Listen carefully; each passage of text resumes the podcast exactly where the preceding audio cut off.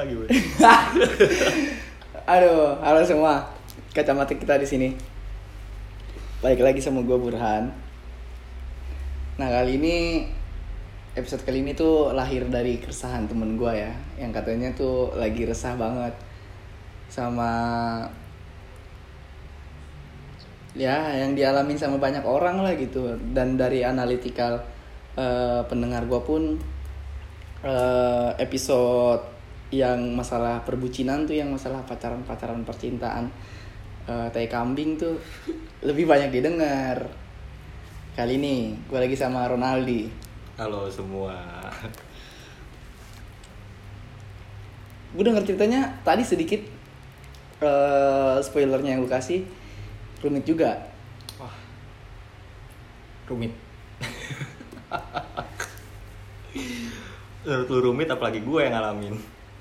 Justru itu karena lu rumit dan gue cuma jadi pendengar dan penonton sih gue ketawa aja. Memang itu derita lu aja gitu. Gue menghindari derita-derita yang kayak begitu tuh. Kali ini lu mau cerita apa aja? Mungkin tadi ya yang perbucinan tuh ya. Iya, betul. lalu? KLC gue masalah perbucinan, cintaan tai anjing. terus ya diselipin sama KLC gue tentang karir gue juga sih ada. Dan ini emang KLC gue ber- beruntun ya. Hmm. Oh ya yang belum tahu KLC itu quarter life crisis ya. Nggak takutnya belum ada yang tahu. iya benar emang kan agak asing didengar sama Iya. telinga kan Iya betul. tapi enggak sebelumnya gue bikin question kan di Instagram Hmm. Tapi Oh, kalau iya. tapi kalau umuran kita sih masing-masing kan itu kan seperempat quarter tuh. Betul. Tapi kita kan belum. Ya. Ah, sama aja lah ya. Menurut gue KLC nggak harus terpatok sama umur sih untuk. Berarti udah life crisis aja ya. Betul. Ya, life crisis aja. Oke sepakat. Jadi gimana? Dari yang spoiler tadi lu kasih ke gue deh. Awalnya gimana? Kalau dari cerita gue sebelumnya ke lu dan hal yang pernah gue ceritain ke lu tentang quarter life crisis gue, Hmm. ya gue awalin emang berawal dari semua itu dari perbucinan, Hmm. dari tentang percintaan gue. Hmm. Ya karena banyak orang bilang hidup ini bukan soal cinta-cintaan, ya menurut gue itu juga nggak bisa dibilang serendah itu atau seremeh itu, Hmm. karena ini hidup gue yang ngalamin gitu kan. Hmm. dan untuk life crisis yang lagi paling besar gue alamin saat ini emang masalah di perbucinan ini Hmm. gitu ya berawalnya dari luka lama atau trauma lama yang gue alamin semasa gue kuliah dulu Hmm. tahun 2017 luka itu belum sembuh life crisis gue masuk lagi tambah satu masalah karir gue Hmm. karena gue harus melanjutkan terus kan yang namanya hidup harus must go on life must go on gitu Hmm. ditambah lagi life crisis gue yang perbucinan yang gue alamin saat ini Hmm. luka lama belum selesai ditambah life crisis berikutnya dan ada life crisis tentang percintaan itu Eh, lu bahasa lu terlalu puitis untuk gua gitu ya. oh sorry Udah pusing gitu. Lu bilang aja sakit hati lu kalau lama lu kalau lama lah kambing, kambing. kan lu pernah bilang kalau gue terlalu Firsa Besari untuk lu yang Jason Ranti Anjas, Gimana anjas, sih? anjas. Yaudah gimana gimana terus lanjut lanjut. ya balik lagi dari awal luka lama gue belum sembuh Hmm. dan gue mencoba untuk mendistraksi Hmm. luka-luka sama trauma gue yang pernah gue alami waktu semasa kuliah dulu Beristaksi atau berejakulasi? oh mendistraksi dong. ejakulasi itu untuk bahasa Yaudah terus terus. ya untuk gue berusaha untuk mendistak mendistraksi Hmm. permasalahan percintaan gue melalui kekerjaan Hmm. karena gue life must go on gue harus kerja gue harus Hmm. menghidupi diri gue sendiri untuk keluarga gue juga Anak ya. enggak gue belum belum nikah anjing Ya, terus terus terus. ya berawal dari situ masuk ke kerjaan untuk menghindar bukan menghindari sih lebih tepatnya untuk mengalihkan Mm-mm. masalah percintaan gua Hmm. so far awalnya nggak nggak sepenuhnya mendistraksi sih Hmm. Karena terkadang pun masih sering kepikiran Hmm. begitu dan makin parahnya ditambah lagi dengan life krisis percintaan itu datang lagi ke kehidupan gue Hmm. kayak gitu Ya udah intinya lah kambing. Lu dari tadi lu pusing amat. Intinya nih awalnya nih gimana si life crisis perbucinan ini datang nih. Tadi yang lanjutin spoiler yang tadi gitu. Awalnya nih. Awalnya gua eh, pernah cerita sama teman gua Mm-mm. kalau gua bener-bener lagi namanya ngerasain yang butuh butuhnya support system dalam hidup gua. Mm-mm. Estes Rafaela gitu. Lu Mobile Legend banget anjing. Ya udah, terus? Enggak, enggak. Jadi ya gue merasa butuh support system dalam kehidupan gue Mm-mm. untuk diri gue pribadi gue Mm. butuh wadah gue butuh tempat gue butuh orang lain untuk gue jadikan sebagai tempat dan wadah berkeluh kesah gue selama gue menjalani hidup gue karena Mm. gue rasa gue selama gue ngejalanin itu gue ngerasa diri gue masih masih nggak sanggup buat nampung itu semua Hmm. dan gue rasa gue butuh apa yang namanya support system dalam hidup gue Hmm. entah itu bisa ya mungkin bisa orang-orang bilang bisa lewat sahabat Hmm. keluarga tapi kalau dilihat dari background itu semua itu kurang memadai di gue Tapi kalau gue sih ya support system gue tuh udah lebih ke bangun jam setengah dua pagi tuh langsung sujud nangis-nangis gitu. Gila. ini pencitraan aja Gak tapi gue tuh yang itu yang deket banget gitu sama yang agama-agama gitu maksudnya tahajud. Ini fiksi ya. fiksi fiksi fiksi. Enggak enggak enggak. Ya udah terus lanjut lanjut. Ya karena gue ngerasa ya gue ngerasa background dari kehidupan gue soal keluarga kurang bagus dan Hmm. ke sahabat pun gue cuman ngerasa nggak pantas lah gue buat numpahin segala emosional yang gue alami selama hidup gue jadi gue ngerasa punya sahabat tuh ya untuk sekedar untuk melepas penat dan sebatas hahi aja Sama aja dong kalau lu bilang buat melepas penat ya apa bedanya? oh maksud gue melepas penat di sini bukan sepenuhnya gue tuangin emosional gue Mhm. apa yang gue alamin karena gue cuma butuh mendistraksi itu aja Hmm. gitu kan dan selama gue mau coba untuk menumpahkan emosi yang gue alamin ke sahabat-sahabat gue Hmm. dan itu nggak ada faktor pendukung yang buat gue memicu untuk menumpahkan segala emosional yang gue punya Mm-mm. gitu kan ya ini mungkin gue yang ngerasa ya atau Hmm. emang teman-teman guanya pengen gitu denger gue cerita Hmm. atau mungkin gue yang terlalu tertutup atau gimana Hmm. ya gue nggak ngerti ke situ tapi gue ngerasa itu kurang aja Hmm.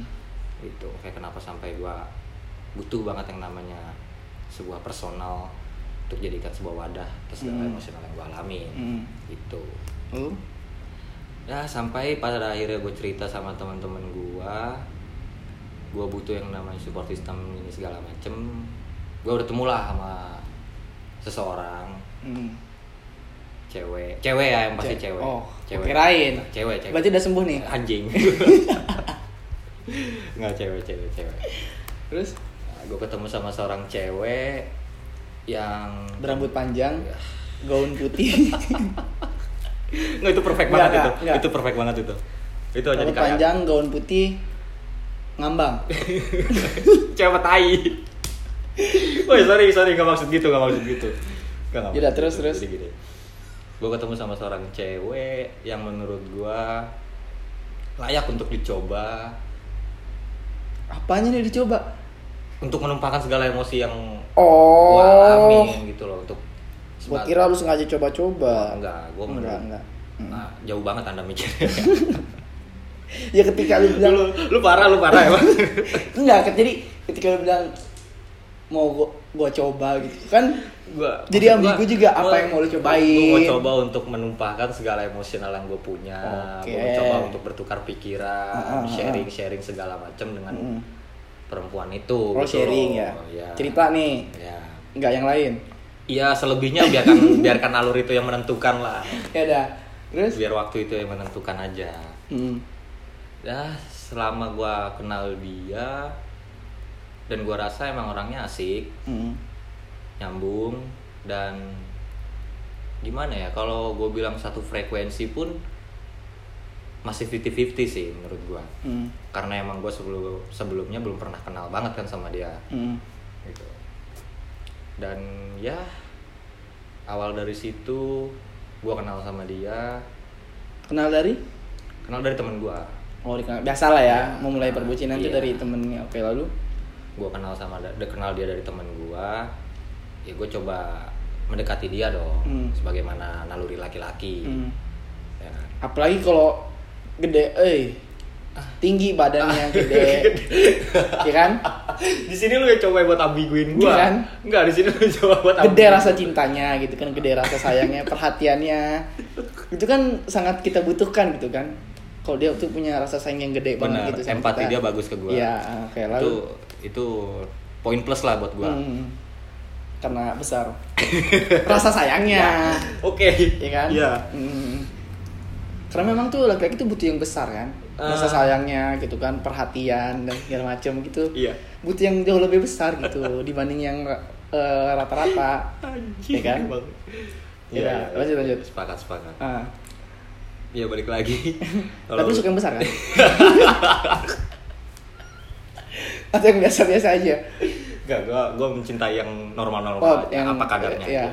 jadi kalau sayang ya udah sayang Iya. kalau enggak enggak ya Iya begitu, Ah, karena oke. gue juga bersyukur aja Ah. lah dengan diri gue yang saat ini. Tapi kan diperbesar bisa kan?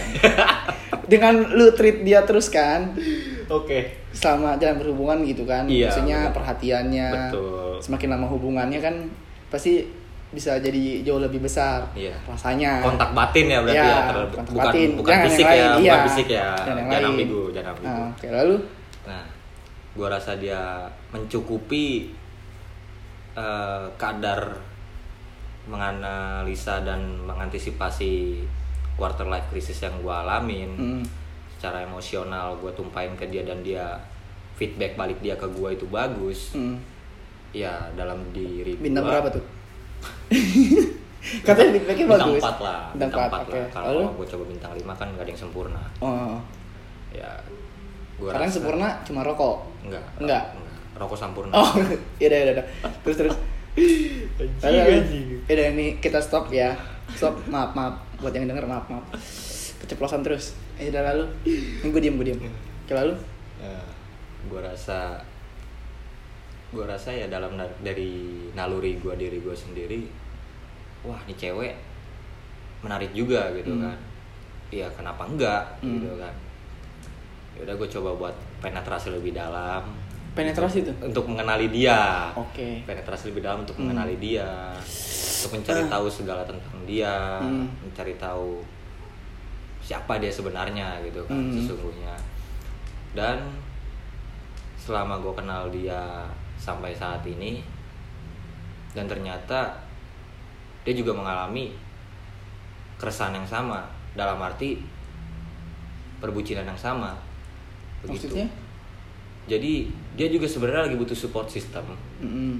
ya kan karena apa yang dia alamin ini oh ya gue lupa cerita status dia status dia si cewek ini yang gue kenal ini Mm-mm. dia udah punya pacar Mm. gitu dan ya gue so far sama dia pas awal kenal itu ya gue cuma sebatas, sebatas teman cerita aja teman curhat Hmm. awalnya Mm. awalnya ya Awalnya. awalnya ya seiring berjalannya waktu ternyata dia ngalamin quarter life crisis tentang percintaan yang sama sama gua Hmm. sedang butuh yang namanya support system juga Mm.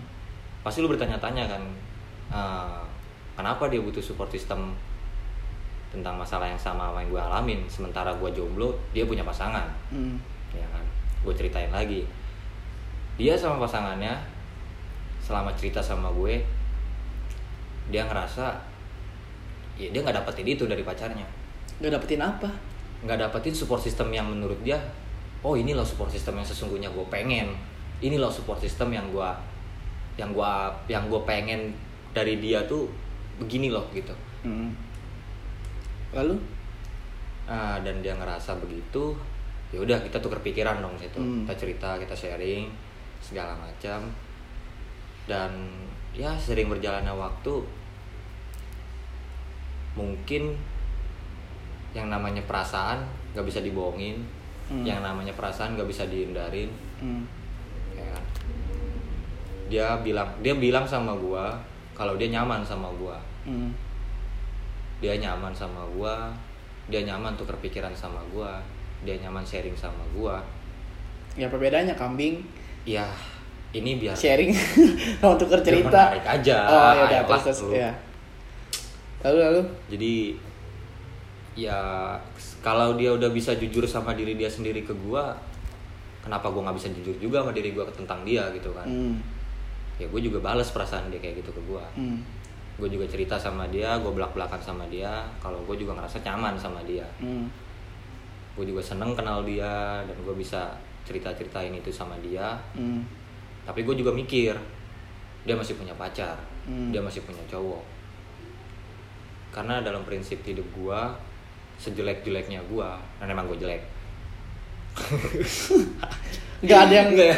mengklaim bahwa lu jelek ya Nggak, gua sadar Kalau- diri Kalau aja. mengklaim diri lu sendiri ya gue gue sadar diri aja hmm. gue sadar Gue sih nggak mengingkari Nggak, nggak, nggak terus karena gue gue ngerasa diri gue walaupun gue jelek walaupun gue begini gue nggak dalam hidup gue gue nggak mau yang namanya gue PHO-in orang Hmm. gue sebagai orang ketiga dalam suatu hubungan orang lain itu gue paling gak mau Hmm. walaupun gue jelek gue masih punya harga diri intinya itu Hmm. ya kan Lalu dan seiring berjalannya waktu gue kenal sama dia ini itu segala macem kita makin dekat hmm. Tapi belum pernah ketemu Hmm. secara langsung ya Hmm.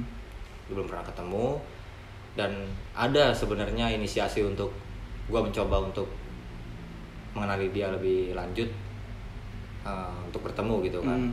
melalui kontak fisik dan dia pun uh, sebenarnya pengen untuk ketemu sama gue cuman ada yang Hmm. menganjal ada yang menghalangi dia untuk Hmm. bertemu ketemu sama gue ya kan kalau dari cerita dia yang pernah cerita ke gue sih faktor-faktor utama untuk menghalangi ketemu sama gue itu pertama dari orang tuanya Hmm. pertama dari orang tuanya kedua ya otomatis dari cowoknya Hmm. ya kan dari cowok yang sekarang Eh, karena dia ngerasa cowoknya yang sekarang ini yang selama dia cerita sama gue dibilang overprotective overprotective Hmm. Terbilang overprotective.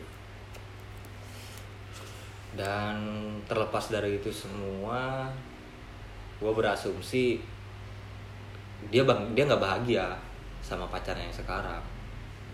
Oke, lalu? Gitu.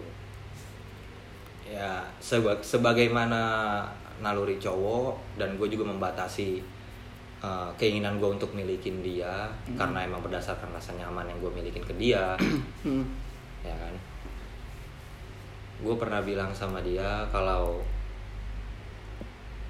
gue nggak bisa masuk lebih jauh ke kehidupan dia. Ah. selama urusan dia sama cowoknya belum selesai. Ah. gue bilang itu ke dia. Dia di situ diam. Hmm. pas gue bilang begitu. Dia di situ diam. Entah dia diam mikir atau emang nggak bisa jawab gue nggak tahu. Tapi dia nggak gagu kan? enggak Nggak, oke lalu kalau dia gagu nggak masalah sih sebenarnya cuman nggak ada komunikasinya aja gitu Ya terus Iya. dan dia eh, mungkin selama pernah gue omongin sebatas omongan yang gue pernah bilang ke dia soal itu tadi Hmm. dia mungkin situ mikir Hmm. eh, entah mikir untuk menyelesaikan hubungan dia dulu sama pacarnya Hmm. Atau emang memikirkan oh ya udah stop sampai sini aja dia kenal sama gua Hmm. begitu gua nggak tahu nih ya karena emang dia yang ngalamin gitu kan Hmm.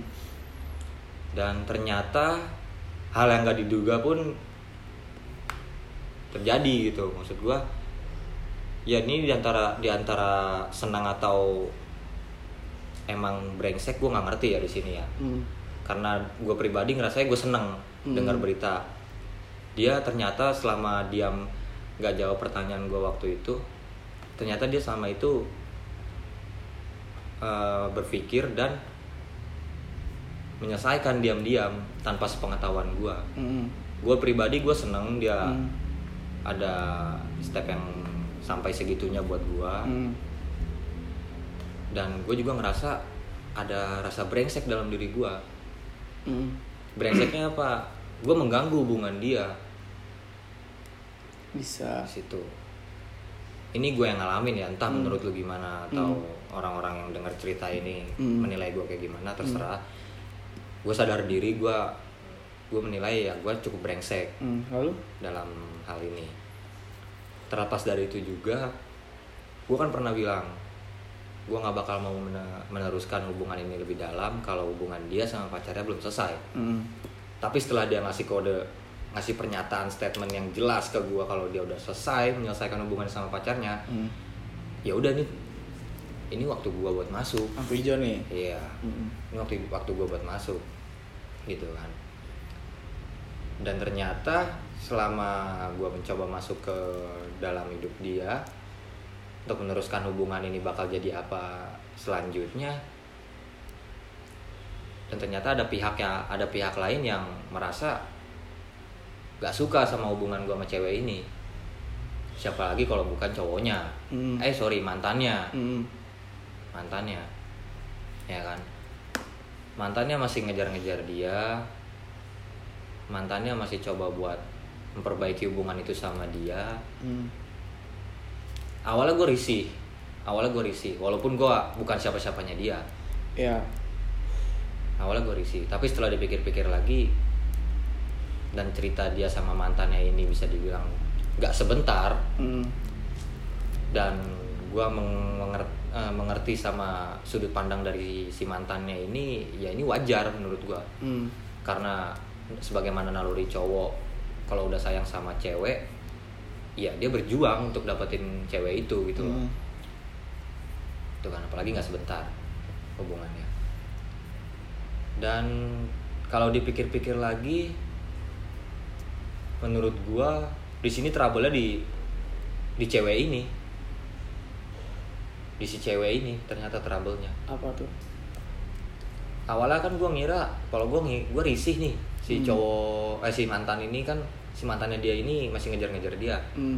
gue risih karena gue pengen coba hubungan pengen coba berhubungan sama si ceweknya gitu Hmm. kan Eh, tapi setelah gue pikir-pikir lagi ternyata masalahnya di perempuannya di ceweknya bukan dari si cowoknya lagi bukan Kenapa dari bisa si gitu? mantannya lagi kenapa bisa gitu ya karena si cewek ini entah emang kepribadiannya itu apa ya bisa dibilang menurut gua kurang tegas menurut gua kurang independen atau gimana Hmm. bisa dibilang begitu kalau menurut gua karena dia bilang sama gua kalau dia males berhubungan lagi sama mantannya dia udah pengen stop sampai sini aja hubungan sama mantannya itu. Hmm. tapi si mantan begitu si mantannya ini mencoba untuk memperbaiki hubungan itu dan dia reaksi dia untuk menolak perasaan dia ke si cowok itu sebatas itu itu aja. Gitu loh. Kayak cuman sebatas kayak misalkan mantannya pernah ke rumahnya untuk nyamperin dia gitu kan yang gua tadi bilang di awal masalah pertama si cewek ini di orang tuanya. Ya kan? Balik lagi orang Hmm. tuanya kenal sama si cowok si mantannya ini nggak sebentar. Hmm. mungkin udah akrab sama orang tuanya. Berapa lama sih? Kurang lebih ya empat tahun sih. Anjing itu mah lama cuy. Empat tahun. Terus? Ya, kayak kan gue bilang tadi nggak sebentar. Dan masuk akal juga gue bilang kalau misalkan emang dia bilang masalah pertamanya dari orang tuanya ya orang tuanya mungkin udah akrab sama si mantannya ini Mm. sama si cowoknya pastilah ya kan dan yang gua nggak masuk akal yang gua nggak masuk akal itu kalau si ceweknya ini udah cerita terang-terangan sama orang tuanya Hmm. kalau dia ngerasa udah stop sampai sini aja hubungan sama si mantannya itu Hmm. somehow gue mikir kenapa orang tuanya nggak mendukung penuh apa yang anaknya pengen. Hmm. gitu loh. At least ini anak kandungnya sendiri gitu maksud gue Hmm. ya kan? Ini anaknya sendiri kenapa lebih mendengar orang lain gitu? Hmm. gitu kan? Itu masalah loh itu masalah. Nggak masuk akal aja menurut gua. Hmm. selepas emang kenalnya nggak sebentar ya ya ini anak lu gitu maksud gua.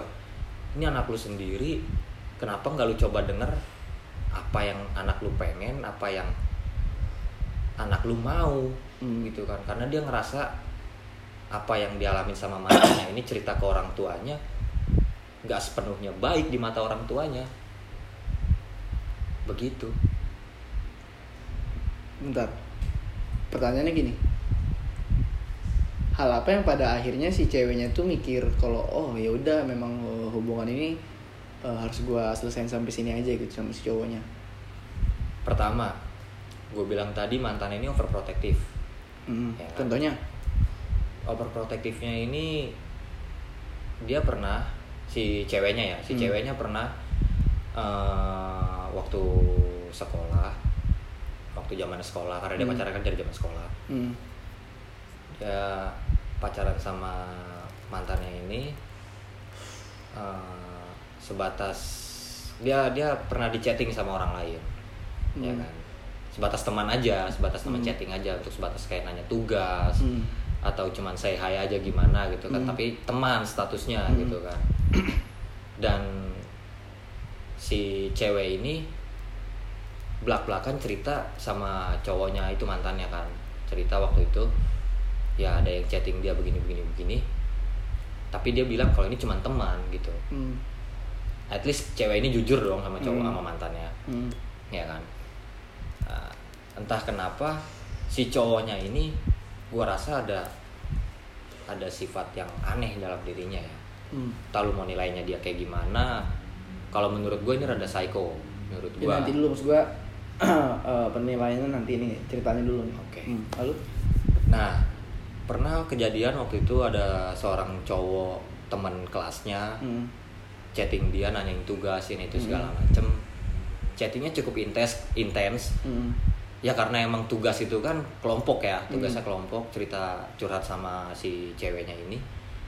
Dan ketahuan sama cowoknya ternyata eh, diam-diam cowoknya ini di belakang si ceweknya ini tiba-tiba main fisik aja main main baku hantam aja ke cowoknya yang cuman sekedar curhat masalah tugas itu. Hmm, gitu kan dan ketahuan sama si ceweknya ini ceweknya ini risih melihat Hmm. perlakuan cowoknya itu Hmm. gitu kan sekarang siapa yang gak risih kalau misalkan lu punya hubungan tapi lu dikekang dengan sebegitu parahnya Hmm. gitu loh dan cerita dia begitu ke gue dia sampai nggak punya teman teman-temannya yang tadinya sebelum kenal dia banyak sekarang terhitung jari atau bahkan sampai sekarang tuh nggak ada lagi teman-temannya dia yang buat berani deketin dia.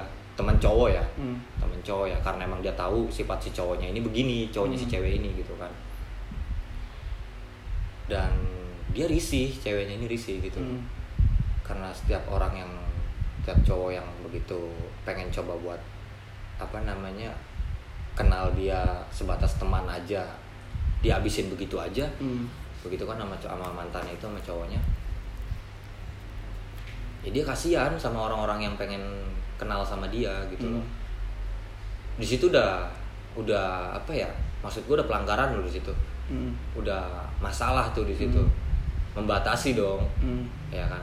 Ya lu pernah bilang sama gua kalau gua pernah cerita ini sebelumnya kalau itu kata lu rasa sayang eh, cowok itu nunjukin rasa sayang dia ke ceweknya. Hmm, itu jelas. Ya. Hmm, di situ balik lagi perspektif. Kalau menurut gua rasa sayang yang dia ungkapin sampai sebegitunya itu bukan bukan bukan hanya sebatas rasa sayang di situ. Sebentar. Ini gue potong ya. Hmm. kan kalau tadi lu bilang si ceweknya kasihan sama eh, orang-orang yang mau kenal sama dia kalau menurut gua ya kalau menurut gua karena kan benar dan salah relatif ya. Betul. Tergantung pada eh, kesepakatan diri masing-masing, iya. menurut gua apa yang dilakuin si cowoknya itu adalah salah satu cara untuk menjaga si ceweknya gitu. Maksud gua ya gimana caranya biar gua wow cewek gua nggak ke mana-mana nih gitu loh. Dan kalaupun si eh ceweknya ini udah tahu watak si cowoknya begitu harusnya memang dia yang mulai membatasi diri gitu jangan sampai ada cowok yang eh, ngedeketin dia karena dia posisinya dia juga harusnya sadar dia udah punya cowok dan nggak seharusnya eh, apa ya membiarkan orang lain ngejalin komunikasi yang intens kalau cuma sekedar berteman kan nggak mungkin sampai yang cetan terus terusan kalau menurut gua Hmm. gue dalam dalam hal ini ya Iya, iya. kalau menurut gue ya ada salah ada benernya gitu kalau memang eh, si ceweknya itu udah sadar tahu cowoknya begitu ya kalaupun memang ada orang yang mau temenan sama dia ya udah gitu. Begitu kenal begitu jadi temen stop sampai sana. Kalau yang sampai chatting intens mah menurut gue tuh udah bukan berteman namanya. Memang ada tujuan lain. Gitu loh. Kalau menurut gue lalu? Nah, apa lagi? yang jadi permasalahannya kan di sini kan si ceweknya kan risih. Mm-mm. Tahu cowoknya begitu Mm. gitu kan. Ya walaupun apa yang lu bilang tadi itu benar Mm. gitu ya. Gue sepakat sih. Mm-mm. Cara dia menyampaikan rasa sayang dan menunjukkan rasa sayangnya dia ke Mm. cewek itu besar gitu Mm. kan. Cuman ya kalau si ceweknya risih kan berarti masalah dong dalam Mm. hubungan itu. Mm. Sepakat nggak? Iya. Sepakat kan? Iya. Dan si cewek ini udah pernah coba ngomong sama si cowoknya itu. Hmm. ya kan kalau dia nggak suka gue tuh pengen punya banyak teman kata dia Hmm, hmm. Gue tuh pengen punya banyak teman kayak dulu lagi sebelum gue kenal sama lu dan gue nggak suka dibatas-batasin begini Hmm. kalau begini terus caranya ya gue yang tersiksa kata dia begitu Hmm. ya kan dan sampai pada akhirnya si cowoknya ngalah Hmm. cowoknya ngalah cowoknya ngalah tapi lagi-lagi membatasi Hmm. dia boleh temenan sama cowok Hmm. atau chatting sama cowok lain berdasarkan apa yang si cowok ini pilih Hmm. gitu kan Hmm. masalah lagi di situ kenapa gue bilang masalah lagi karena si ceweknya nggak ngerasa nggak pas temenan atau chatting eh, punya temen hubung punya hubungan sama cowok lain itu eh, yang di yang di dipilihin sama si cowoknya Hmm. Si cewek ini ngerasa ah gue nggak pas nih temenan sama dia Hmm. segala macam dia nggak masuk sama obrolan gue ini itu segala macem Hmm. masalah dong Hmm. di situ karena ceweknya ngerasa begitu Hmm. ya kan Lalu? udah dicoba omongin lagi ke si cowoknya ini tuh ini tuh segala macem dan si cowoknya nggak mau tahu Hmm. ya kan Hmm. pernah kejadian lagi si ceweknya eh, chattingan Hmm. sama salah satu mantannya Hmm. salah satu mantannya dia chatting ketawa sama cowoknya ya kan HP si cewek ini diambil Hmm. disita dibeliin HP baru sama cowoknya Lah, ngapain? Gue kalaupun HP-nya diambil, kan sekarang zamannya WhatsApp. iya Walaupun HP-nya diambil, WhatsApp-nya tetap nomor yang sama, ya ini poinnya nggak berubah dong. nah HP-nya cewek ini diambil Hmm. dibeliin HP baru kan sama cowoknya Hmm. Nomor WhatsApp-nya sama. nomor WhatsAppnya sama tapi tapi dia cuman boleh punya kontak tiga orang cowok aja dalam kontak HP-nya yang baru itu ini Ah. sama cowoknya ini lucu Ah. sih ini lucu Ah. kontak pertama itu dia si cowoknya Ah. kontak kedua bokapnya si cowoknya Ah. kontak ketiga bokapnya si cewek lucu nggak dia punya Enggak maksud gue, ini cowok bego atau gimana ya maksud gue ya? gue nggak ngerti gue nggak ngerti gua, Kalaupun memang cuma mau ada tiga kontak di dalam HP-nya, ya udah aja kontaknya dihapus. Iya. Nggak perlu sampai dia beliin HP baru. Maksud gue ya, mungkin memang dia mau beliin HP baru, mungkin, mungkin gue ya. nggak ngerti atau emang itu dia Tapi kalau memang tujuannya cuma untuk supaya di dalam HP-nya cuma ada tiga kontak cowok, ya itu mah nggak efektif gitu loh. Nggak perlu Iya. dia beliin HP baru. Kalau tujuannya adalah supaya kontaknya cuma ada tiga. Tapi kalau tujuannya memang mau beliin HP baru ya oke lah, it's okay gitu. ya mungkin dia nggak tahu gitu Hmm. kan sampai kalau emang si ceweknya ini ya dia juga kan nggak pengen gitu loh temenan tuh dipilih-pilih Mm-mm. temenan ya dia pengen temenan sama siapa aja sebenarnya Mm-mm. gitu kan cuman balik lagi dia sadar sama sifat si cowoknya gitu kan dia Hmm. juga kasihan sama teman-teman cowok yang pengen berusaha temenan sama dia Mm. gitu kan karena emang kasus sebelumnya yang gue ceritain tadi nggak Hmm. bagus Mm. Endingnya gitu kan. Sampai saat itu dibeliin HP baru segala macam ini itu ini itu mulai parah tuh di situ ya kan. Kon, eh, apa namanya semua sosmed dipegang sama cowoknya entah itu emang di duplikat atau di di sistem penyadap segala macam gua nggak ngerti tuh ya. Ah. kalau dia cerita sih begitu katanya. Sampai sebegitunya gue bilang ya kalau lu cuman dia curhat nih masalah ini ke gue ya kan. Hmm, hmm. dia curhat nih masalah ini ke gue dan gue ngasih saran sebagai pendengar yang baik ke dia ya gue ngasih saran. Kalau emang lu ngerasa lu nggak nyaman lu ngerasa lu dikekang lu ngerasa di overprotective kayak begini menurut gua lu cerita ke gini kayak gini ke gua percuma. Karena inti masalahnya lu sama cowok lu bukan nama gua gua bilang. Ah. gitu kan. Ya kan memang tujuannya awalnya buat support system kan kata lu. gitu. Hmm, lalu? Cuman balik lagi sama realitanya gue bilang lagi. Hmm. dia masih ada sangkut pautnya sama si cowok itu. Hmm, ya kan? sampai pada akhirnya si cewek ini ketahuan chatting instant intens sama gue hmm, ya kan? walaupun sebelumnya si cewek ini bilang sama gue hmm, kalau masalah dia sama cowoknya itu udah selesai. Hmm, ya kan? Hmm, di situ udah dong di situ. Gue ngerasa ya udah lu- udah nggak ada kepentingan apa apa lagi sama si cewek ini. Hmm, selebihnya lu mau ngira nih ce- masih cewek lu atau gimana itu urusan lu. Kalau gue dengar dari si ceweknya udah ya dia masih dia udah sendiri statusnya ya udah. Hmm. ya gue coba buat deketin dia dong. Gitu kan sampai pada akhirnya dia ketahuan chat sering chatting sama gue HP-nya dia yang dibeliin si cowok ini diambil. Hmm, disita lagi. Ya kan? Hmm, si cewek ini nangis cerita sama teman-teman dekatnya yang cewek-cewek buat coba hubungin gua hmm, lewat akun sosial media teman-temannya. Hmm, karena pertama akun sosial media dia dipegang sama cowoknya itu. Ya ya kan? Terus kedua HP-nya diambil dia nggak ada komunikasi sama gua kayak gimana? Hmm, ya kan? Sampai saat itu si cewek ini cerita ke orang tuanya balik lagi cerita sama sama, orang tuanya dan ini yang aneh sih dia udah cerita sedetail mungkin se sejelas-jelasnya mungkin sejujur-jujurnya sama orang tuanya dan hmm, yang anehnya lagi ini aneh nih ini aneh nih. Orang tuanya ini masih ngebela si cowok itu. Hmm, ini gue nggak ngerti nih maksudnya kenapa sampai bisa begini anaknya sendiri nggak didengar kenapa lebih mendengar orang lain? Tapi posisinya mereka berdua masih pacaran nih? Enggak si cewek ini bilang katanya udah putus udah Hmm. selesai masalahnya. Hmm, hmm. gitu.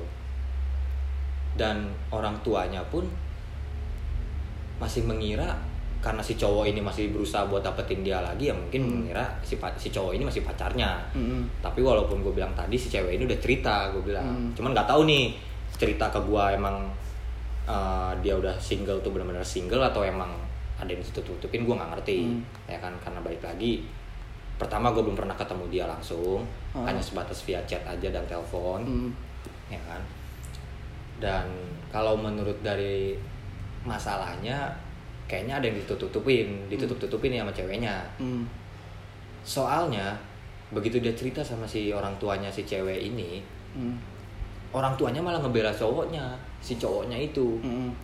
ngebela dia dibanding ngebela anaknya sendiri. Gitu nyutang kali orang tuanya. Wah nggak ngerti tuh. Gua nggak ngerti tuh. Gua nggak mau coba buat telusuri lebih dalam tuh Enggak, gitu. enggak jadi gini. Tapi emang penting sih kalau menurut gua. Karena posisinya gini, Al. Kita tuh nggak pernah tahu eh, jalan pikiran orang ya, karena kepala sama besar gitu isi otak nggak ada yang tahu, ya kan? sepakat Eh, rambut sama hitam gitu, jalan pikiran orang juga nggak ada yang tahu. Kalau gue sih, menurut gue ya, apa pun yang dia omongin ke lu, ada baiknya lu cari tahu kebenarannya gitu loh. Karena posisinya gini al, sorry. Ketika dia bilang putus sama cowoknya, ya ya kan? Iya. Dia bilang dia udah putus nih sama cowoknya. Lalu eh, lu mencoba untuk masuk kan, Iya. ngedeketin dia. ya Kalau misalkan nih realitanya dia adalah belum putus sama cowoknya dan dia ngakunya eh, udah putus ke lu, orang akan beranggapan bahwa lu yang salah karena lu ngedeketin cewek orang. iya Jelas betul gitu loh. Kalau lah memang eh, benar si ceweknya udah putus gitu sama si cowoknya, lalu si cowoknya eh, berjuang sendiri. ketika lu bentrokan sama si cowoknya eh, landasan lu untuk adu argumen sama dia tuh kuat. Iya. Gitu loh. Itu bakal jadi senjata buat gue ya kan? nantinya iya. Nah tapi ketika lu eh ada pada posisi sebenarnya dia belum putus lu nggak punya landasan apa pun sekalipun lu berlandasan dia tuh udah ngomong putus sama lu. Dia nggak punya putus sama lu udah udah nggak ada hubungan sama lu. Ya gua nggak tahu kalau dia se- sebenarnya masih ada hubungan. Iya. Eh, kalau menurut gua kalau gua adalah jadi posisi si cowok itu gua bakal bilang ya kenapa nggak lu cari tahu dulu? Ini cewek beneran eh, udah sendiri apa belum? Gitu. Atau kan mungkin bisa aja ah lu mah bohong. Gitu loh. Iya. Udah lu mah ngakunya aja gitu si ceweknya ngakunya udah putus padahal belum memang lu dasarnya aja mau ngerusak hubungan gua misalkan. Hmm. kalau menurut gua gitu. Jadi poinnya cobalah untuk lo cari tahu apa yang di eh, omongin sama dia tuh valid atau enggak. Iya gitu. Kebenarannya tuh benar-benar eh, nyata atau enggak gitu. Lalu? Nah, kalau terlepas dari masalah gue pengen cari tahu lebih dalam soal dia hubungannya putus atau belum sama cowoknya itu, Hmm. gue pernah nanya sama teman-temannya. mm, Eh, ini teman dekatnya dia di rumah ya, teman Hmm. dekatnya di rumah. Gue pernah tanya, ya katanya sih dia cerita, ya emang udah putus, mm, begitu dari teman-temannya. Ya, walaupun kata temennya, teman rumahnya ini, mm, bilang ya si cowok ini masih sering nyamperin dia Hmm. main sama dia gitu kan masih kayak merasa ya mereka masih pacaran gitu. Hmm. tapi dia cerita sama gua teman teman rumahnya ini cerita sama gua ya kalau si cewek ini emang udah nggak ada hubungan apa-apa lagi sama si cowoknya berarti di situ udah menguatkan poin gua dong untuk masuk. Mm, masuk ke hubungan eh, masuk ke kehidupan dia dong. Mm, buat milikin dia gitu kan.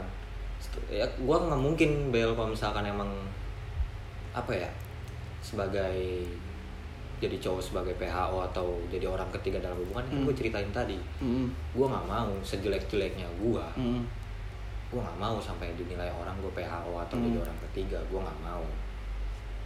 Tapi setelah gua tahu cari tahu kebenarannya begitu dari temen-temennya karena mau dari mana lagi dong? Mm, gua mau coba mastiin langsung ke orang tuanya. Menurut gua itu perlu tapi kalau menurut si ceweknya jangan dulu dia bilang jangan dulu katanya. Kenapa? Gue pernah tanya kenapa? kata gua kan. Apa yang apa yang jadi penghalang gua buat uh, memastiin kalau lu ini bener-bener ya lu jomblo lu single gitu. Hmm. lu gak ada hubungan apa apa lagi sama cowoknya gitu kan. Karena berdasarkan dari cerita-cerita lu tentang cowok itu ke gua ya lu ngerasa lu risih kan sama itu semua. Gue bilang Hmm. kenapa nggak gue coba buat meyakinkan orang tua lu? Dan gue juga cuma buat mastiin ya lu tuh layak buat gue perjuangin gitu loh. Mm, nah di situ lagi-lagi dia mikir dia nggak bisa jawabin itu itu segala macam. Intinya dia cuma bisa jawab nanti dulu. Belum masih kepastian yang pasti kapan mm, atau gimana buat gua nanti menyelesaikan eh, Hmm. meluruskan masalah ini gitu Hmm. kan ke orang tuanya. Di situ salah gua di situ salah gua gua terhanyut sama keadaan yang dia kasih ke gua tanpa status yang jelas atau gimana. Di situ Hmm. emang mutlak salah gua. Mm, ya kan? Dan sampai pada akhirnya gue mikir gue nggak bisa terus-terusan kayak gini. Mm, gitu kan. Ya walaupun gue ngerasa sama si cewek ini gue sayang sama dia. Mm, gue nyaman sama dia gitu kan cuman balik lagi gue ngerasa ada yang ada yang jadi penghalang aja ada yang jadi pengganjal aja dalam hubungan dalam gue buat menjalin hubungan sama si cewek ini Hmm. gitu ya, sampai sini gue ngerasa gue butuh solusi aja sih sebenarnya gimana baiknya buat uh, gue meneruskan hubungan ini atau enggak atau Hmm. emang atau emang tunggu waktunya aja buat buat masalah ini terselesaikan sendirinya nanti gitu kan atau gimana. Sebenarnya ini masuk ke life crisis gue lagi bel. Jadi gue ngerasa yang tadinya tujuan utama gue kenal dia sebagai buat jadi support system ke dalam kehidupan gue awal niatnya buat coba nyembuhin luka lama gue yang bisa dibilang gak sebentar. Hmm. Gue rasa ini malah malah jadi malah jadi toksik lagi di kehidupan gue begitu loh Tapi gini, oke lah, misalkan gini Al. Mungkin memang benar si ceweknya udah putus sama si cowok itu. Hmm. Tapi kalau pada realitanya adalah si cewek ini masih merespon eh, baik atas perlakuan si cowoknya, mungkin memang dia udah bener putus. Tapi nggak ada kemauan untuk berpisah sama si cowok itu dalam eh, diri si cewek itu. Karena gampangnya gini, menurut gue logiknya. Apalagi cewek, cewek perasa ya, Iya. dibandingkan kita yang eh, lebih sering menggunakan logika. Dia tuh mau si cowok itu berubah intinya jadi dia oke Oke. lah dia bener putus Hmm. dia beneran udah putus sama si cowok ini tapi dia nggak mau kehilangan si cowok ini gitu loh dengan harapan si cowok ini berubah menjadi yang lebih baik sesuai dengan apa yang dia inginkan. Itu bisa jadi. Bisa jadi ya. Bisa jadi. Masuk sih. Dia memang bener udah putus. Kalau memang dia bilang aku udah putus udah gitu. Hmm. tapi pada kenyataan yang lainnya adalah dia tuh nggak mau ninggalin si cowok ini juga. Gitu loh. Atas alasan ya gue masih percaya deh gitu kalau dia tuh bisa berubah gitu. Dia tuh eh, bisa jadi sesuai sama apa yang gue inginkan gitu. Karena menurut gue ya menurut gue agak kurang bisa dimengerti karena kenapa? Sepengalaman gue kalau cewek udah menyatakan kita selesai sampai sini Hmm. walaupun sepihak misalkan nih gue nggak mengiyakan nih tapi dia bilang kita kita udah berpisah. Sekalipun gue ngepush untuk eh, hubungan ini terus berla, eh, berlanjut bertahan dia nggak akan pernah mau dia nggak akan pernah eh, ngerespon itu gitu loh. Kecuali memang ada harapan dalam diri dia bahwa oh iya memang mungkin gue harusnya itu sama dia karena dia bisa jadi yang lebih baik gitu dari sebelumnya. Itu kemungkinan yang ya, banyak lagi sih. dilakuin sama dia gitu loh. Karena nggak mungkin deh gitu kalau cewek tuh begitu gitu. Maksudnya kecil kemungkinan ya kecil kemungkinan gitu. Kalau cowok sih mungkin ya aja begitu. Hmm. Karena kita pakai logik aja gitu. Gue mutusin cewek ceweknya mohon mohon oh yaudah balikan lagi aja ntar putusin lagi aja gitu. Hmm. bisa aja gitu misalkan. Kalau gue mah enggak sih enggak kayak gitu. Ya enggak kan gue bilang Iya, kalau iya, misalkan iya, gitu. Karena agak nggak logik dengan maksudnya agak nggak sinkron nih. Dia bilang udah putus. Hmm.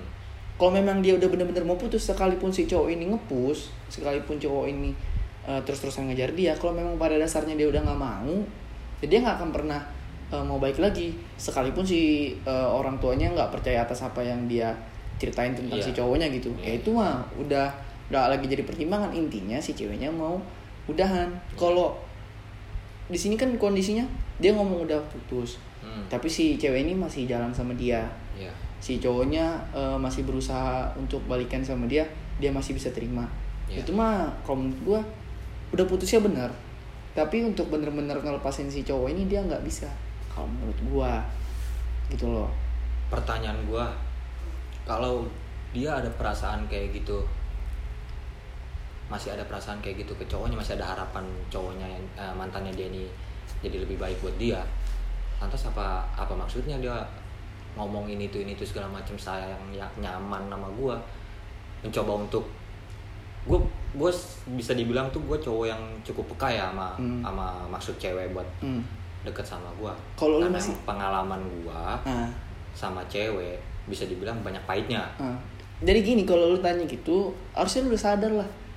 Awalnya lu berdua ketemu sama dia aja untuk sama-sama saling jadi support system. Ya mungkin lu ada support system dia untuk mempertahankan si cowok ini. Mungkin si cowok ini nggak bisa ngasih rasa sayang yang dia perluin. Tapi lu bisa ngehadirin rasa itu ya dia ngambil rasa yang lu kasih untuk mempertahankan hubungan dia sama si cowok itu karena misalkan si cowoknya agak psikopat misalkan Hmm. atau agak psycho lu bilang gitu kan Iya, iya. Eh, itu lu tuh hadir di dalam hubungan dia tuh untuk menjadi support system dia mempertahankan hubungan itu gitu loh kalau logiknya gini kalau gua ya kalau gua ada di posisi si eh, cewek itu ketika gua udah menyelesaikan hubungan gua sama pasangan gua sekalipun dia ngepush gua udah nggak akan peduli. Kalau gua memang eh, lebih nyamannya sama Nyaman orang sama lain lu gitu. kan. Karena kasarnya ada perbandingan yang lebih baik dengan keadaan yang sekarang gitu loh. Iya. Kasarnya gitu gitu. Iya. eh daripada gue sama dia dia eh, cowoknya overprotective. Hmm. Eh, sama lu gue bisa leluasa nih. Berarti kan ada satu poin lebih di lu kan? Ya pasti dia pergi ke lu gitu tapi di sini kondisinya kan dia nggak bisa pergi ke lu. Dia terus balik lagi ke dia. Si cewek ini balik lagi ke si cowoknya cowoknya itu terus. Itu berarti kalau menurut gua memang si pribadi si ceweknya itu aja yang memang masih belum mau ngelepasin si cowok itu. Kalau orang udah mau ngelepasin mah ya udah lepasin aja gitu loh. Mau orang tuanya marah mau orang tuanya eh, segala macam sih itu udah nggak jadi pertimbangan gitu loh. Masuk akal. Karena karena di sini berbicara tentang kenyamanan kan. Iya dia lebih nyaman sama lu. Harusnya dia pergi ke lu dong. Karena si cowoknya overprotective bikin dia gak nyaman. Harusnya. Tapi kan nyatanya enggak iya juga sih. Gimana coba? Itu perspektif gua ya. Masuk akal juga sama perspektif gue belakangan ini ya. Hmm. karena selama gue buat meyakinin perspektif dari lu yang gue percayain juga dan gue pengen lakuin itu ya lagi-lagi balik lagi gue ketutup sama itu ketutup itu semua ketutup sama rasa nyaman gue ke dia rasa Hmm. sayang gue ke dia. Hmm. gitu. Nah sebentar gua potong kok tadi lu bilang di awal lu nggak mau menjadi orang ketiga di dalam hubungan eh, orang lain ya? Sekarang kondisinya lu ada udah jadi orang ketiga. Lu itu udah nggak bisa dipungkiri memang kondisinya lu adalah jadi orang ketiga di dalam hubungan itu. Kalau lu bilang nggak mau menghancurin hubungan orang ya itu juga nggak bisa lu disclaim juga gitu. Ya memang kenyataannya lu sekarang lagi berusaha untuk ya udah kamu putusin dia aja kamu sama apa namanya kalau bukan hancurin hubungan orang. Tapi ini kan berbentrokan juga. Di satu sisi kan lu mau menunjukkan ke dia kalau lu tuh benar-benar berjuang untuk dia kan? Iya. Tapi kalau misalkan balik lagi dibilang kalau gue menurut lu gue jadi sebagai orang ketiga udah terlanjur jadi sebagai orang ketiga yaitu menurut lu ya. Mm kalau menurut gue pribadi gue mah apa gue meyakini apa yang dia bilang. Hmm. dan selama gue mencari tahu menggali lebih dalam hubungan dia sebelumnya sama cowoknya ini statusnya bagaimana dengan jelasnya ya kalau menurut gue udah ada lampu hijau buat gue masuk Hmm. ya menurut gue gue nggak PHO di sini. Gue nggak nggak bukan orang ketiga. Karena apa yang dia bilang ke gue itu yang gue percayai apa yang gue tanya ke temen-temennya itu yang gue percayai walaupun balik lagi dia cerita ke guanya bener atau enggak selepas terlepas dari itu gue nggak salah menurut gue Hmm. gue nggak salah di sini karena Hmm. dia ngomongnya begini ke gue Hmm. coba kalau misalkan dia bilangnya "Eh, aku pengen sama kamu tapi aku pengen masih pengen masih ada masih ada rasa sama dia dan aku pengen sama kamu itu eh, kamu tuh menghadirkan rasa yang bisa bikin aku lupa sama cowok yang sebelumnya di situ gue mungkin bakal say no di situ gue Hmm. bakal nolak secara mentah-mentah Hmm. karena apa di situ gue termu gue di situ terbukti jadi orang ketiga Bel ya apa bedanya sekarang yang lagi lu lakuin lu Kau- mampu menghadirkan rasa apa yang dia perluin yang nggak bisa dia dapetin dari si cowok itu kan yang gue bilang tadi status dari si cewek itu yang terang-terangan jelas iya karena gua. posisinya gua adalah dapet. ya karena posisinya adalah lu sama si cewek ini lu bilang lu nggak ngerusak hubungan dia. Tapi kalau lihat dari perspektif si cowok eh, cewek ini ya dari pacarnya si cewek ini ya lu jelas ngerusak lah. Oh merusak ya? Yang harusnya memang si cowok itu masih bisa baik lagi dan berjalan biasa aja gitu walaupun hubungan yang gak harmonis.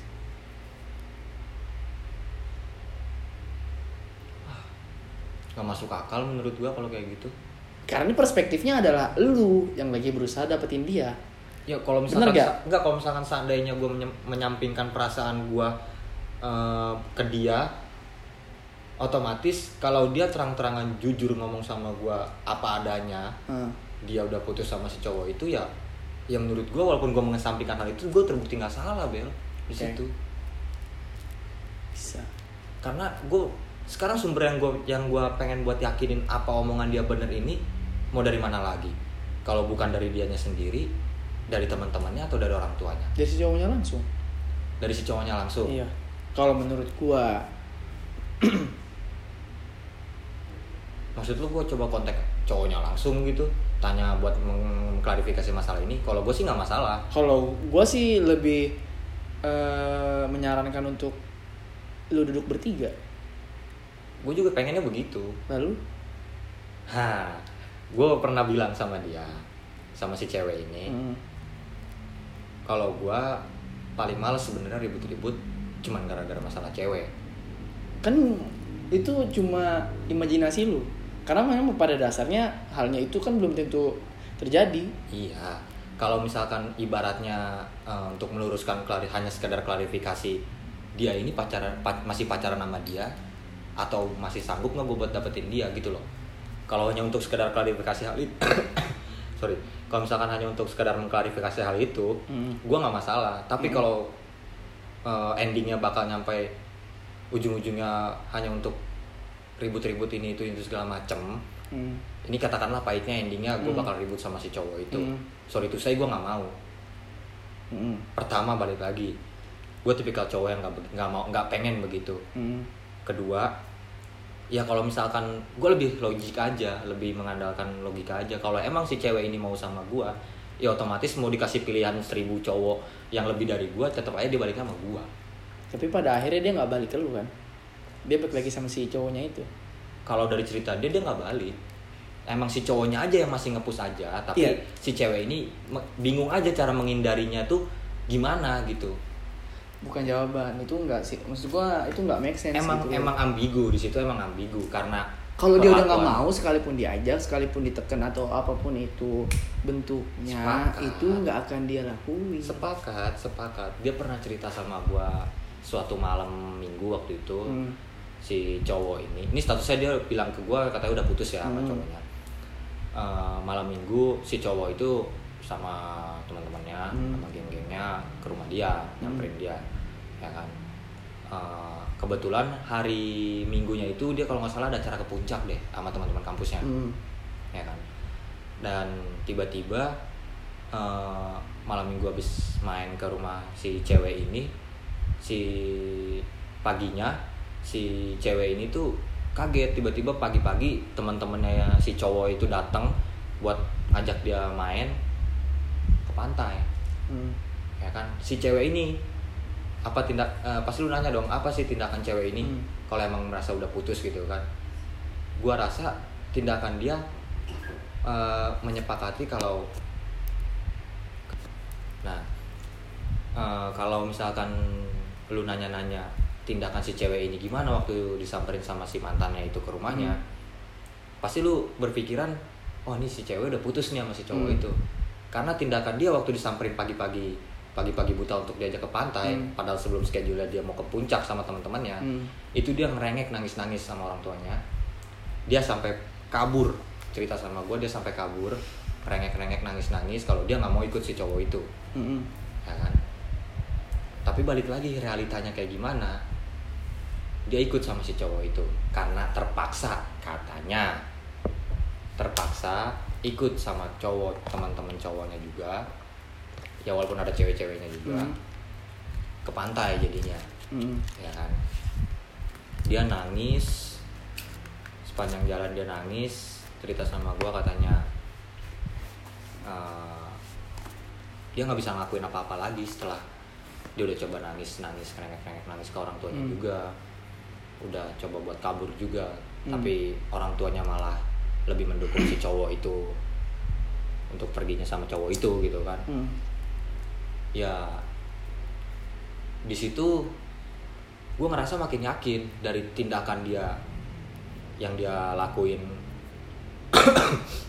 Tindakan yang dia lakuin buat apa ya secara nggak langsung tuh dia menunjukkan untuk untuk gue tuh percaya sama sama dia gitu loh. Ini loh status hubungan gue yang asli dari gue sama dia gitu sama si sama si cewek ini sama dia Hmm. dan cowok cewek ini untuk ke gue gitu. Secara nggak langsung dia nunjukin itu dalam per, dalam dalam omongan dia begitu gitu kan cerita dia begitu ke gua. Tapi dia beneran nangis. beneran nangis. Lu lihat? Kalau lihat sih enggak ada orang yang lihat. kalau orang ada yang, orang yang lu percaya untuk cerita itu memang bener kejadian? Gue tanya teman-teman rumahnya itu emang benar sekarang logiknya gini. Lu temen gua Hmm. gue selingkuh nih. Ketika pacar gua nanya ke lu apa lu bakal jawab sejujur-jujurnya bahwa gue lagi selingkuh? Tentu nggak akan. Berarti 50-50 ya antara satu temennya ini mengcover si cewek itu ya atau emang ya dia jadi intinya memang dia ngomong jujur sama lu atau memang sebenarnya dia bohong supaya lu tetap bertahan sama dia? Udah sampai sana? Jawabannya? Oke. Tapi dari situ gue mulai meyakini lagi sih. Kalau emang benar sampai sebegitunya dia perlakuannya sampai begitu gitu kan dia Hmm. bisa melakukan tindakan seperti itu ya berarti secara nggak langsung dia nunjukin ke gue kalau emang dia tuh benar-benar udah gak ada hubungan apa apa lagi gitu kan. Sekarang gampangnya gini. Kalau menurut gua lu tuh udah kepalang tanggung nih ya. Lu kepalang tanggung Bisa ada di dalam hubungan antara si cewek ini dengan si cowok itu terlepas dari dia masih pacaran atau enggak nih ya. Hmm. lu ada di tengah-tengah hubungan itu. Kalau menurut gua lu kan udah mempertegas diri lu bahwa lu bakal perjuangin dia. Iya. Ya kan? Ya lu juga harus mempertegas diri dia gitu. Lu mau pilih mana lu pilih gua atau lu pilih si cowok itu kalau lu pilih gua apa pun yang dilakuin sama si cowok itu jangan pernah eh, lu respon. Mau dia datang ke rumah mau dia ngajak lu main mau dia eh, ngechat lu telepon lu or anything else jangan pernah lu respon. Lu cuma terpaku sama gua misalkan Hmm. hal itu yang lu lakuin. Karena memang setelah hal itu lu lakuin ya Al ya lu bakal tahu gitu dia bener-bener nggak sama lu. Dia bener-bener nggak dia mau ngelakuin itu gitu loh iya jadi lu juga bisa dengan lebih cepet eh, tahu kejelasan eh, hubungan lu sama dia kalau memang harus diakhiri dengan dia lebih memilih si cowoknya Hmm. ya kan atau memang eh, lu eh, dapat ending yang baik gitu dia memilih lu karena memang lu mampu menghadirkan rasa yang lebih baik gitu loh Al. Iya gue sih pengen kayak Hmm. gitu gitu kan Maksudnya ya apa yang kita pernah bicarain dulu juga Selama gue pernah curhat sama lu Ya mending hancur-hancur sekalian, bahagia-bahagia sekalian. Itu poinnya. Mending begitu Karena emang gak, jujur gue juga ngerasa gak nyaman di posisi Hmm, kayak gini pasti gitu. nggak kan. akan nyaman. Karena emang tujuan awal gue kenal sama dia itu pengen nyembuhin luka lama gua gitu Hmm. kan. Bukan justru nambah toksik di kehidupan gua sekarang. Hmm, kayak gitu. Betul. Jadi mungkin cukup ya Al ya ya satu jam sekian nih jadi di sini cuma cerita aja ya kita cuma cerita aja ini cerita pengalaman lu nih Iya, iya. gitu loh Terus jangan terus. jangan eh, apa ya jangan menghujat lah gitu siapa yang salah siapa yang benar gitu di sini gue cuman pengen Cuma, sharing aja iya. apa yang gue alamin Hmm. apa yang gue rasain Mm. dan gue harap di endingnya nanti ya cukup, terbaik. cukup, cukup menikmati aja lah Hmm. apa yang gue bagi dan semoga berbuah baik buat gue Mm. berharap ada salahnya Iya. Dan untuk orang yang mendengar podcast ini lalu lagi mengalami hal yang sama, mungkin bisalah eh, berkabar lewat gua atau langsung ke eh, si Ronaldi nanti eh, gua cantumin eh, akunnya ya. ya Bisa jadi sharing gitu sama-sama. Siapa tahu kalaupun si Aldi ditolak, lu bisa jadi obat barunya. ya kan? Kan bisa aja gitu kan? Bener ya bener. bisa aja. Ya siapa pun yang, yang mungkin lagi mengalami hal yang sama semoga eh, masalahnya cepat selesai dan mendapatkan hasil terbaik. Oh gua tahu kalau bilang Amin yang lagi rame kemarin di Twitter. Amin paling serius. Iya. anjas anjas. Anjas marah Eh, yaudah indie emang mungkin cukup sampai sini aja ya